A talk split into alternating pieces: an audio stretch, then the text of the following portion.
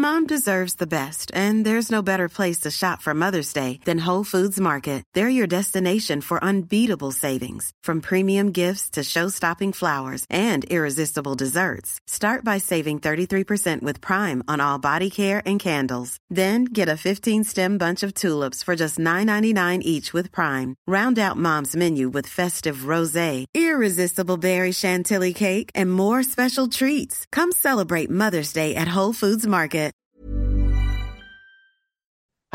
Pendengar GGMI Podcast, baik lagi bersama kita bertiga dan pada kali ini kita akan ngebahas lanjutan weekday ke-20 atau match fix ke-20 di mana kita akan apa ya uh, menjamu ya Nottingham Forest. Uh, kita bermain tandang ya Vini ya kalau nggak salah ya. Uh, ini kita uh, Carabao semifinal tandang dulu. Oh tandang dulu. Oh, Oke, okay. kita tandang dulu ke markas Nottingham Forest di mana kita punya memori yang cukup positif ya di last match kita lawan Nottingham kita menang cukup besar gitu kan. Dan pertanyaan adalah apakah ini bisa menjadi sinyal elemen kalau bahwa saya ini bisa kita sedikit quote unquote ya pandang sebelah mata kah? Ya, uh, menurut gua malah jangan gitu karena ini kan kita pertama main tandang lawannya Nottingham Forest yang kalau kita ingat dia ngalahin Liverpool dan juga nahan imbang Chelsea gitu. Jadi menurut gua oh dan juga Nottingham ini baru beli Chris Wood dari Newcastle dan dia juga baru beli pemain tengah lagi gitu. Gue lupa siapa dari Brazil. Jadi menurut gua Nottingham ini kalau ditandang menurut gua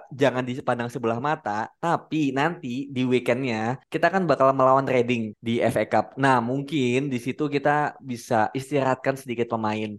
Jadi menurut gua untuk Nottingham kali ini menurut gua leg satunya abis-abisan biar nanti ketika kita udah dapat hasil bagus minggu depan di leg 2 di Old Trafford kita bisa ngerem sedikit. Vin Vin, tapi at this point ngalahin Liverpool sama Nahani Bang Chelsea itu bukan prestasi sih ya.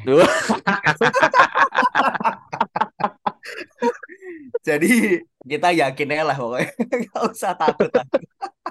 Oke, oke. Nah, tapi tadi Alvin lebih prefer untuk akhirnya kita jauh lebih quote unquote ya, menganak emaskan pertandingan besok dan juga mungkin sedikit apa ya memberikan space untuk para pemain yang lebih muda ya untuk bisa ngelawan Reading di FA gitu. Nah kalau kita ngeliat secara squad gitu kan dengan udah kembalinya uh, apa namanya Casemiro yang udah bisa main gitu kan, plus mungkin potensi kembali aja dan Sancho yang banyak orang menggadang-gadang katanya wah ini nih nomor 8 kita gitu.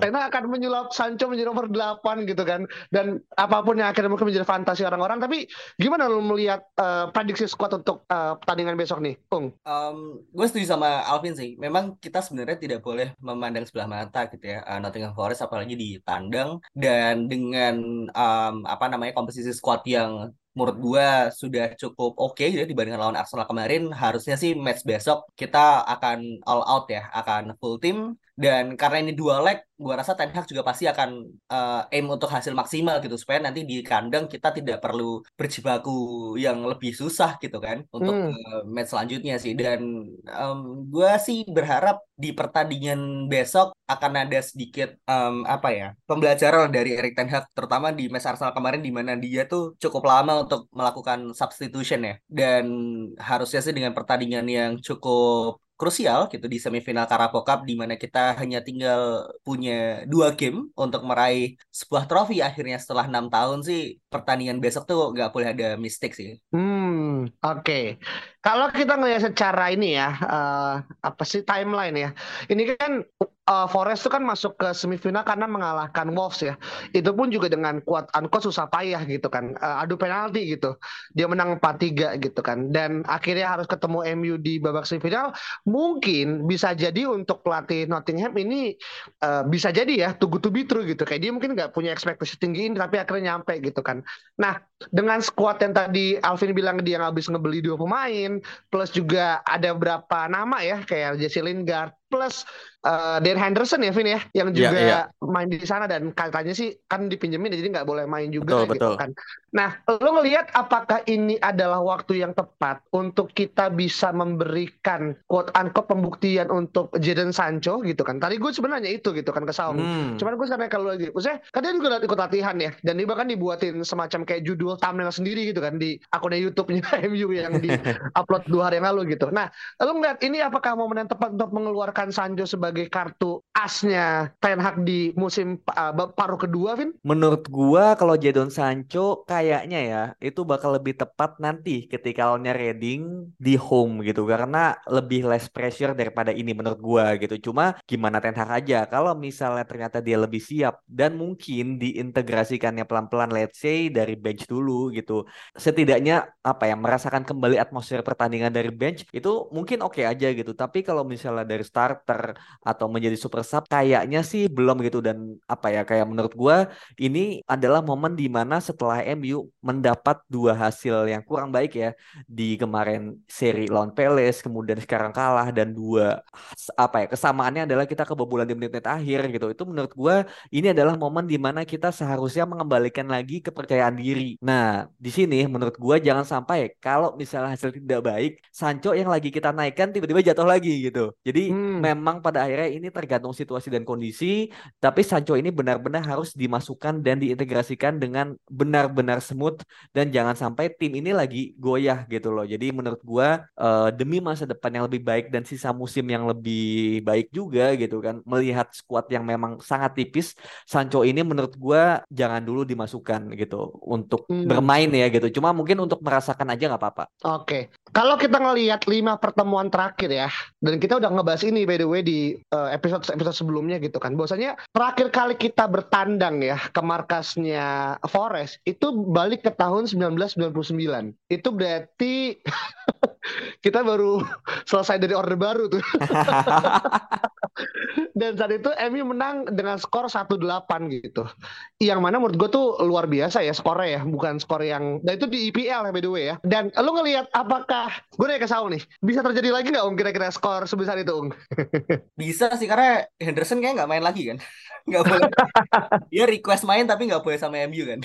Jadi harusnya sih eh, nggak uh, ada alasan gitu. Terlebih Rashford sekarang juga masih dalam performa terbaiknya gitu. Anthony gue rasa juga uh, di pertandingan kemarin meskipun tidak bisa punya output goal assist yang oke, okay, tapi secara overall permainan dia cukup baik gitu ya, compare to pertandingan sebelumnya. Dan Sancho yang tadi sempat lo bilang mungkin dia bisa punya beberapa menit bermain dan Alejandro Garnacho tentunya my star boy harusnya punya andil juga sih dalam pertandingan besok gitu. Jadi hmm. sangat memungkinkan at least kita menang menang setidaknya 4-0. Wih, ini udah mulai spal-spil skor angka nih.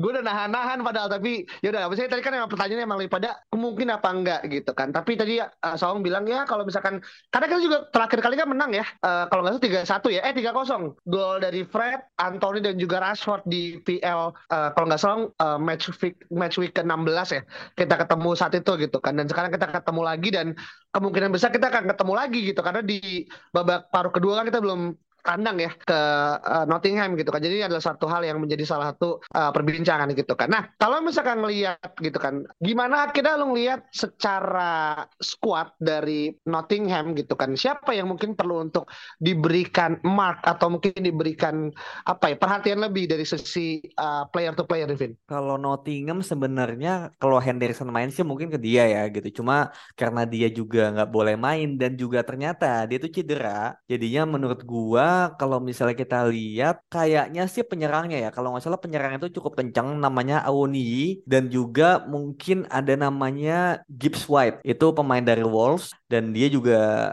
kayaknya di posisi penyerang. Jadi menurut gua ini kan again ya kita suka kecolongan di menit-menit akhir dan juga jangan sampai gitu. Kalau misalnya gue sih membayangkan ya bahwa Nottingham ini akan bermain deep dan MU akan mencoba untuk membongkar low blocknya dengan Erikson dan juga Bruno Anthony juga. Dan gue cuma khawatir si Awoni ini nantinya bakal membuat uh, apa ya namanya sebuah counter attack gitu.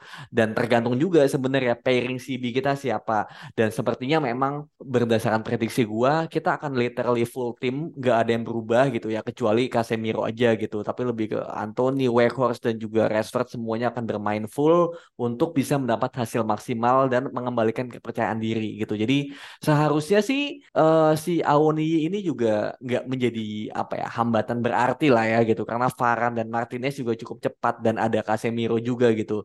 Cuma ya nggak ada yang tahu ya gitu kan di Palace saja bisa kecolongan kayak gitu, apalagi di sini gitu yang mana kita again kita akan bertandang. Jadi menurut gua penyerang-penyerang cepat kayak Aoni dan juga ada penyerang kanannya namanya Johnson kalau nggak salah Brandon Johnson itu juga menurut gua harus diwaspadai. Hmm, oke. Okay. Kalau kita ngelihat secara rules ya, nanti gue juga baru tahu juga ternyata VAR itu baru akan dipakai di pertandingan semifinal dan juga final gitu. Jadi ketika kemarin kita main berapa tiga empat match sebelumnya itu nggak pakai VAR ternyata gitu kan. Hmm. Dan uh, jadi ini hal yang ya sebenarnya kalau VAR udah terbiasa di IPL lah. Tapi kan mungkin menurut gue kayak gue baru sadar kalau di match sebelumnya di Karaba di uh, ya di Karabau nggak pakai gitu kan. Jadi ya at least kalau ada hal-hal yang kontroversial ya kayak kemarin gitu, at least bisa untuk dijadikan suatu perbandingan gitu kan. Nah mungkin terakhir kali nih gue nanya ke Saung ya, apakah lu lebih prefer Garnacho bermain dari sisi menit awal atau le lu lebih berfokus pada Rashford yang gue lihat ya di statistik itu dia itu kalau dibandingin dengan para penyerang ya di dataran Eropa gitu kan di kompetisi terbesar Liga Eropa dia tuh dengan GA yang paling tinggi nih so far nih bahkan mengalahkan Mbappe kira-kira gimana nih Ung? Ya Rashford gue rasa dengan formnya akan tetap main dari awal ya akan tetap starter cuman gue berharap uh, Ten Hag itu sadar bahwa Garnacho itu harusnya masuk lebih awal gitu dalam artian kayak kita tidak bisa mengulangi um, in game management seperti yang Ten Hag lakukan kemarin di lawan Arsenal di mana Garnacho itu baru masuk di menit 89-an gitu jadi harusnya di menit-menit mungkin sekitar babak kedua awal Garnacho harusnya bisa bisa masuk dan jadi pembeda sih hmm oke okay. berarti tetap akan ada rotasi ya dan kemungkinan besar kan dia akan main di sisi kiri yang mana tuh ditempati sama hmm. Rashford atau mungkin bisa jadi Rashford ketika memang ada perpindahan ya Weghorst yang tarik gitu kan Rashford jadi center forward gitu yeah, kan. Ini sangat sih, hmm? Weghorst gue rasa nggak akan ditarik karena di match besok dia akan kuatrik ya. Jadi gokil. karena ini kan adalah kan, saatnya Weghorst iya, propaganda iya. itu disebarkan ya. Bener, karena kalau enggak menurut gue dia akan cukup tertekan kali ya. tertekan banget pak, fans MU kan agak baca banget ya. iya kan.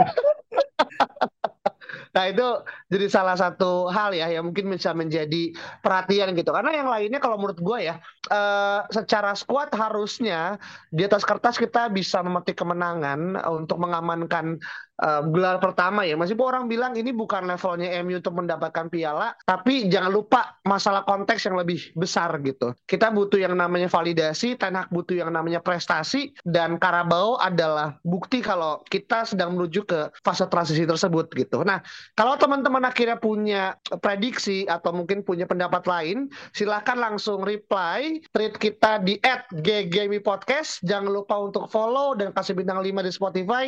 Kita ketemu lagi pada lain kesempatan. Bye-bye.